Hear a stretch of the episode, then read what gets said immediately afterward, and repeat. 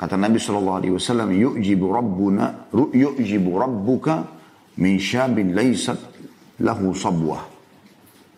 Sesungguhnya Tuhanmu atau Tuhan kalian kagum kepada anak muda yang tidak mengikuti sabwah.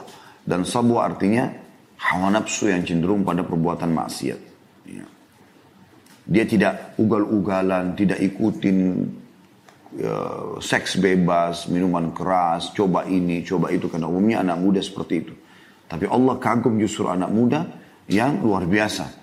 Mereka justru di masa mudanya hafal Al-Quran, di masa mudanya mereka sholat malam, di masa mudanya mereka bakti sama orang tua. Maka ini juga ada kalimat kagum, yu'jib.